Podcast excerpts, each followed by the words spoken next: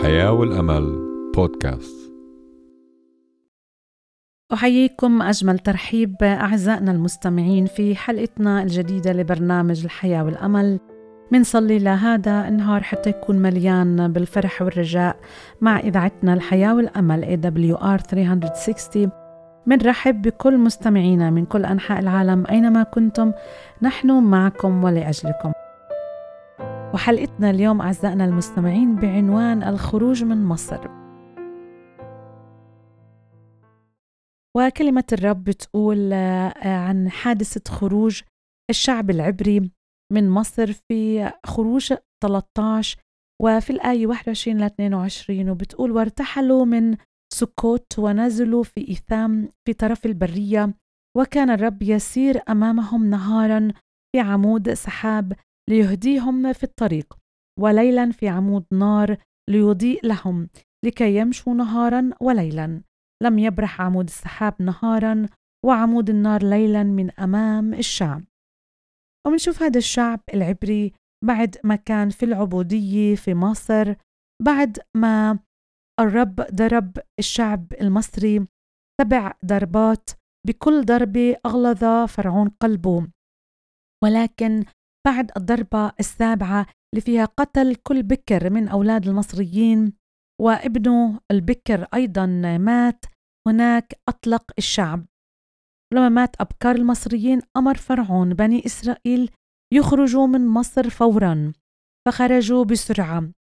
وما أن أشرقت الشمس نور الصباح حتى كان الرجال يسيرون في خمسة صفوف. تتبعهم زوجاتهم وأولادهم ومتاعهم وماشيهم. كان عدد الرجال 600 ألف وهذا بيعني أنه عدد الخارجين كان نحو مليونين ونصف مليون شخص. وهذا أكيد أعزائنا المستمعين عدد المجموعة اللي طلعوا من مصر في هداك الوقت واللي كان على رأسهن النبي موسى.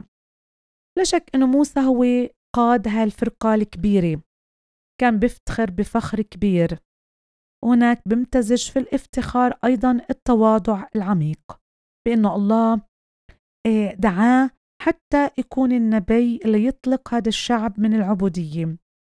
استخدموا كأداة بإيده حتى يتمم خلاص عظيم لهذا الشعب. آه، بدأ بنو إسرائيل رحلتهم من سكوت وهي بتبعد نحو 20 كيلومتر من محل إقامتهم. في سكوت استراحوا. ولحد الآن بيحتفلوا في هذا العيد الشعب العبري اللي فيه هناك استراحوا من العبودية. ثم ابتدأوا في المحطة التالية وهي إيثام على أطراف الصحراء وما فيها أثر لزرع مجرد رمال. وبتقول كلمة الله كان الرب يسير قدامهم نهارا في عمود سحاب يهديهم في الطريق وليلا في عمود نار ليضيء لهم لكي يمشوا ليلا ونهارا. لم يبرح عمود السحاب نهارا وعمود النار ليلا من أمام الشعب. نعم أعزائنا هذا العمود كان مرشد إلهن كان يظللهن في النهار ويبعد عنهم الحيوانات المتوحشة في الليل وكان يقودهن بالليل والنهار للطريق السليم. نقدر نقرأ قصة الشعب بهداك الوقت في سكوت وأيضا في إيثام في خروج الإصحاح 13 والآية 20 ل 22 أعزائنا المستمعين إذا كنتوا بالفعل بتطيعوا الله وبتسيروا في طريقه فبالتأكيد رح يرشدكم دائما. كل إنسان مؤمن في المسيح وتابع المسيح ورح يرشده ويكون له زي عمود سحاب زي ما كان لهذا الشعب. عمود سحاب نهارا وعمود نار ليلا حتى يرشده. والله دوما برشدنا برشدنا في روحه القدوس اللي بسكن في داخلنا وقت الإيمان. برشدنا وبقودنا. السيد المسيح لما ترك الأرض أرشدنا بكلماته وقال إنه رح يترك لنا الروح المعزي اللي هو الروح القدس اللي فيه رح يعتني فينا ويقودنا ويرشدنا. علينا نطلب إرشاد الله نطلب الهداية من عنده دايما. ما نعجل ولا نتسرع ولا نتصرف بأمورنا وبطرقنا إحنا. علينا نطلب إرشاد الرب وحكمته وما نمشي بحسب أفكارنا الشخصية وأوهامنا. نطلب دايما من الله يكشف لنا إيش بده يانا نعمل وكيف بدنا نعيش بدون كسل نعيش للرب عاملين بحسب كلامه. بالرسالة إلى روميا الإصحاح 8 14 بقول لأن كل الذين ينقادون بروح الله أولئك هم أبناء الله. يعني كل إنسان ماشي عفوا في طريق الرب ومستمر بروحه وعامل بحسب إرشاده هو يعد من عائلة الله. أرسل الله عمود من نار في الليل ليرشد بني إسرائيل وليضئ لهم. وهذا بعني إنه الله بيحمينا. فتحت ظل جناحي الله بيختبئ الإنسان المؤمن. اللي ماشي في طريقه واللي بيحبه. بوسط كل تجربة زي هذا الشعب اللي جرب وتعب وبالبرية هناك كتير صابوا من بعض من الضيقات. الله حماه. وهيك المؤمن بيختبئ بشمس النجاح اللي الله بيقوده إلها. بقول الحكيم سليمان اسم الرب برج حصين يركض إليه الصديق ويتمنى. من أمثال 18 عشرة. واليوم الرب بطلب منك إنك أنت تجد حماية في الرب. هو الحصن هو البرج هو اللي بده إياك تيجي لعنده لأنه هو فقط اللي بيعطيك الحماية. إذا عمود السحاب وعمود النار كانوا نور لبني إسرائيل. وهذا بعني إنه اللي بتبع بتبعوا الله وبصيروا بطريقه ما في ظلمة رح تلاقيهن. ما في جهل ما في حزن ونجاسة. حتى لو ساروا في هذا الوضع بهذا العالم المليان خطية روح الله رح يرشدهن ويعلمهن يكونوا نور. زي ما قال الرب يسوع في إنجيل يوحنا إصحاح 8 12 أنا هو نور العالم من يتبعني فلا يمشي في الظلمة بل يكون له نور الحياة. بتقول كلمة الله في الكتاب المقدس لم يبرح عمود السحاب نهارا وعمود النار ليلا من أمام الشعب. وبنقدر نقرأ هاي الكلمات في خروج إصحاح 13 والآية 22 هذا بيعني إنه الله بظلل أولاده دائما. لأنهن ناس آمنوا فيه وتبعوه وعم بيعملوا أعماله واللي هو عملهن ناس صالحين. لما سافر بنو إسرائيل وهناك منشوف فرعون ندم بعد ما أطلقهن وشاف كل المآسي اللي مر فيها شعبه ولكن ندم على إطلاقه إلهن. أعمال البناء اللي عنده تعطلت لأنه هجرة الأيدي العاملة انتهت. وزي ما بنعرف هو سخر كل الشعب العبري وخلاني يشتغلوا بالسخرة هناك. كبرياء فرعون منعه بأنه يسلم خروج بني إسرائيل. وما قدر يستسلم لهذا الأمر بسهولة. فقال فرعون بنفسه ماذا فعلنا حتى أطلقنا بني إسرائيل من خدمتنا؟ هناك أسرع فرعون خلف بني إسرائيل بجيش مصر الجبار. وبتقول كلمة الله إنه أخذ 600 مركبة منتخبة وسار مركباته وقادوا هو وراحوا الجنود بقيادته وسعوا المصريين وراء بني إسرائيل وأدركوهم. وهذا كان يمكن اليوم الخامس للخروج هذا الشعب من العبودية. هناك بنشوف الجيش المصري القوي أسرع وتبعهن وهناك راحوا وراء الجبال نحوهن. انتظروا نور الصباح وهجموا عليهن. فصرخ بنو إسرائيل في يأس وقالوا لموسى هل لأنه ليس قبور في مصر؟ أخذتنا يا موسى لنموت في البرية؟ ماذا صنعت بنا حتى أخرجتنا من مصر؟ كان خيرا أن نموت هناك من أن نموت هنا. لماذا لم تتركنا وشأننا؟ أين هو إلهك؟ هناك بنشوف موسى وقف يخاطب الله وثقة كاملة دعا الله حتى ينقذ شعبه ويخلصهم. والله استجاب ومنحه الإرشاد فيما يجب أنه يعمله. وبنقرأ في خروج 14 13 بتقول لا تخافوا قفوا وانظروا خلاص الرب الذي يصنعه لكم اليوم. فإنه كما رأيتم المصريين اليوم لا تعودون ترونهم أيضا إلى الأبد. الرب يقاتل عنكم وأنتم تصمتون. ما أحلى هذه الكلمات العظيمة اللي من قلب صادق من قلب مؤمن بألله. مدرك إنه ألله لابد إنه يخلص شعبه. ومش ممكن يتركهن. موسى قال للشعب هاي الكلمات لا تخافوا قفوا وانظروا خلاص الرب. موسى قال هاي الكلمات وعارف إنه الله رح يقاتل عنهم. وعارف إنه مثل ما الله طلعهن من العبودية هو أيضا رح يقاتل عنهن والجنود المصريين اللي كانوا لاحقينهن ما رح يقربوا عليهن. كان مدرك موسى إنه الله رح يخلصه. ويخلص الشعب. صرخ موسى لله وطلب النجد والإنقاذ. فقال الرب لموسى ما لك تصرخ إلي؟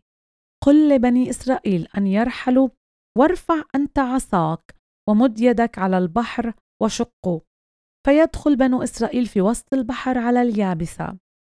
وها أنا أشدد قلوب المصريين حتى يدخلوا وراءهم. فيعرف المصريون إني أنا الرب حين أتمجد بفرعون ومركباته وفرسانه. نقرأ الكلمات بسفر الخروج الإصحاح 14 15 ل 18 إذا منشوف إنه عصا موسى لعبت دور. موسى أخذ عصا وهناك بعد ما استخدمها في مرات كتيرة ومناسبات كتيرة هناك نبتت هاي العصا في الغابة في شبه جزيرة سيناء وهي مش عارفة هاي العصا مين رح يستخدمها وإيش رح يقول مصيرها. لما قطعها موسى لما كان يرعى أغنامه رعى فيها الغنم وطرد فيها الوحوش المفترسة العصا كانت يد موسى. لما التقى بالله وأمره يطرحها على الأرض حتى تتحول حية. استخدم الله عصا موسى في كثير من الضربات اللي حلت بأرض مصر. هي اللي ضربت النهر وتحولت المياه دم هي ارتفعت إلى السماء حتى تدعو العاصفة. وضرب موسى بها تراب الأرض فصار بعوض يلدغ المصريين واللي استخدمها فيما بعد لكسب الحرب ضد عماليق واللي استخدمت أيضا حتى تفجر ينابيع من الصخر. وعشان هيك كانوا يسموها عصا الله. على أنه أعظم المعجزات اللي قامت فيها تلك العصا كانت شق البحر الأحمر إلى نصفين مثل ما أمر الله وكما كانت العصا في يد موسى كان موسى في يد الله. إذا علينا أعزائنا المستمعين نسلم أنفسنا للرب بثقة كاملة حتى يستخدمنا في خدمته. خلي الرب يمسك بإيدك ويجعل منك إشي نافع؟ اسمح لله يصوغك ويصنع منك الشخص اللي بده إياك إنك تكون. بيقول في مزمور 37 خمسة سلم للرب قلبك ونفسك. سلم للرب طريقك واتكل عليه وهو يجري. موسى سلم طريقه للرب. سلم نفسه للرب بثقة كاملة. وقدر إنه يصنع المعجزات في طريق الرب لأنه الله قاده. صرخ موسى لله حتى ينقذ بني إسرائيل من فرعون القادم. فرعون كان وراهن مع رجاله راكمين الخيول وراءهن وقرر يرجع هذا الشعب للعبودية. البحر كان قدامهن واستجاب الله لدعاء موسى. فنقل الرب ملاكه اللي كان يسير قدامه بني إسرائيل حتى يسير وراهم. وانتقل عمود السحاب من أمام بني إسرائيل وقف وراهن. وهيك دخل عمود السحاب بين جرود فرعون وبين بني إسرائيل. صار السحاب والظلام في الجانب اللي بقف فيه المصريون. بينما أضاء الليل في الجانب الذي كان فيه بنو إسرائيل. فلم يقترب جنود فرعون من بني إسرائيل بالليل كله. عمود السحاب لجيش المصريين قاتم وكان ظلام بعوقهن عن التقدم وبحجب تحركات الجماعة الهاربة ولكن بني إسرائيل كان منبر بيعكس لمعان على الرمال وعلى مياه البحر. وبين لهم بدقة لا تخطئ الطريق اللي يجب أنه يسلكوا فيه ففي خروج 14 19 20 منشوف الحادثة كاملة ونقدر نقرأ كيف الله خلاهن يعبروا هذا البحر. لما بتسلم نفسك عزيزي المستمع بين إيدين الله بتعطل وبتسقط أعمال الشر اللي بدهن يوقفوا قدامك ويوقعوا الأذى لإلك. موسى مد إيده على البحر مثل ما أمره الله. فأجرى الرب البحر بريح شرقية شديدة الليل وجعل البحر يابسي وانشق الماء. أعزائنا هذه عجيبة بالفعل. كيف ممكن ينشق هذا البحر؟ ما في إنسان بيقدر يعمل هاي الحادثة ولا العصا نفسها اللي كانت بإيد موسى. ولكن الرب أمر باستخدام هاي العصا اللي بإيد موسى حتى تشق هذا البحر ويكون في يابسة وهذا الشعب يقدر, يقدر عفوا يدخل بوسط البحر. الشعب صار وهناك كانت اليابسة في الوسط والماء كان سور إلهن عن يمينهن وعن يسارهن. وحالما أدرك المصريون أنه بني إسرائيل هربوا تبعوهم وسط البحر وصاروا وراءهن في اليابسة وكان في هذا التصرف كثير من الكبرياء والعناد. كأنه أصروا على أن يرجعوا الشعب العبري للعبودية مثل ما كانوا. هناك أمر الرب موسى حتى يمد إيده على البحر والماء يرجع على المصريين. فرجع البحر وأغرق مركباتهم وفرسانهم. نعم موسى مد إيده على البحر والبحر رجع. وعند إقبال الصبح إلى الحالة الدائمة غرق المصريون وسط البحر. أما بنو إسرائيل فمشوا على اليابسة في وسط البحر والماء كان سور إلهن عن يمينهن وعن يسارهن. خلص الرب في هذا اليوم بني إسرائيل في يد المصريين. ونظر بنو إسرائيل المصريين أمواتا على شاطئ البحر. منشوف موسى خرج هو والشعب ورتل ترنيمة النجاة. وقال أرنم للرب فأنه قد تعظم الفرس وراكب طرحهما في البحر. الرب قوتي ونشيدي وقد صار خلاصي. هذا إلهي فأمجده إله أبي فأرفعه. ترشد برأفتك الشعب الذي فديته تهديه بقوتك إلى مسكن قدسك. الرب يملك إلى الدهر والأبد. خروج 15 والآية 13 و 18 إذا لما نستودع أنفسنا بيد الله نكتشف أمانته. نكتشف قد هو الإله الأمين اللي بنقذنا وبمجد نفسه من خلالنا بحول خوفنا وإنزعاجنا لوقت تسبيح. فما أجمل ما قاله المرنم في مزمور 30 خمسة عندما عند المساء يبيت البكاء وفي الصباح ترنم أعزائنا خلينا نيجي لعند الله ونآمن ونثق زي ما موسى وثق. وعرف إنه الله إذا أخرج هذا الشعب من العبودية رح يكمل لأنه وعوده صادقة. إذا أنت مؤمن وتابع المسيح اعرف إنه هو وعوده صادقة. ابتدأ عمل صالح رح يكمل للتمام. ورح يعينك ويكون هو معك بكل خوف وانزعاج وقوته رح تكون معك تنقذك وانت رح تمجد اسمه. أعزائنا حلقتنا وصلت للختام. إيه، وحلقتنا لهذا اليوم كانت بعنوان الخروج من مصر. نشكر حسن استماعكم ومتابعتكم معنا. منذكركم إنه بتقدروا تتواصلوا معنا في أي وقت. في أي سؤال واستفسار. وإذا احتجتوا للصلاة إحنا حاضرين هون حتى نصلي لأجلكم. كمان إذا بتحبوا تحصلوا على الكتاب المقدس راسلونا عبر بريدنا الإلكتروني hope at awr.org وعبر رسائل الواتساب على رقم زائد واحد اثنين أربعة صفر تسعة صفر صفر تسعة تسعة ثلاثة تسعة. تابعونا عبر منصات التواصل الاجتماعي من فيسبوك إنستغرام ويوتيوب at awr slash arabic. والبث الحي المباشر لإذاعة صوت الحياة والأمل. وبتقدروا تتابعونا على مختلف منصات البودكاست من سبوتيفاي أنغامي أبل وجوجل بودكاست لإذاعة الحياة والأمل. أعزائنا بنلتقي معكم في حلقة جديدة من برنامج الحياة والأمل. دمتم برعاية الله ونعمة ربنا يسوع المسيح. مع جميعكم وإلى اللقاء.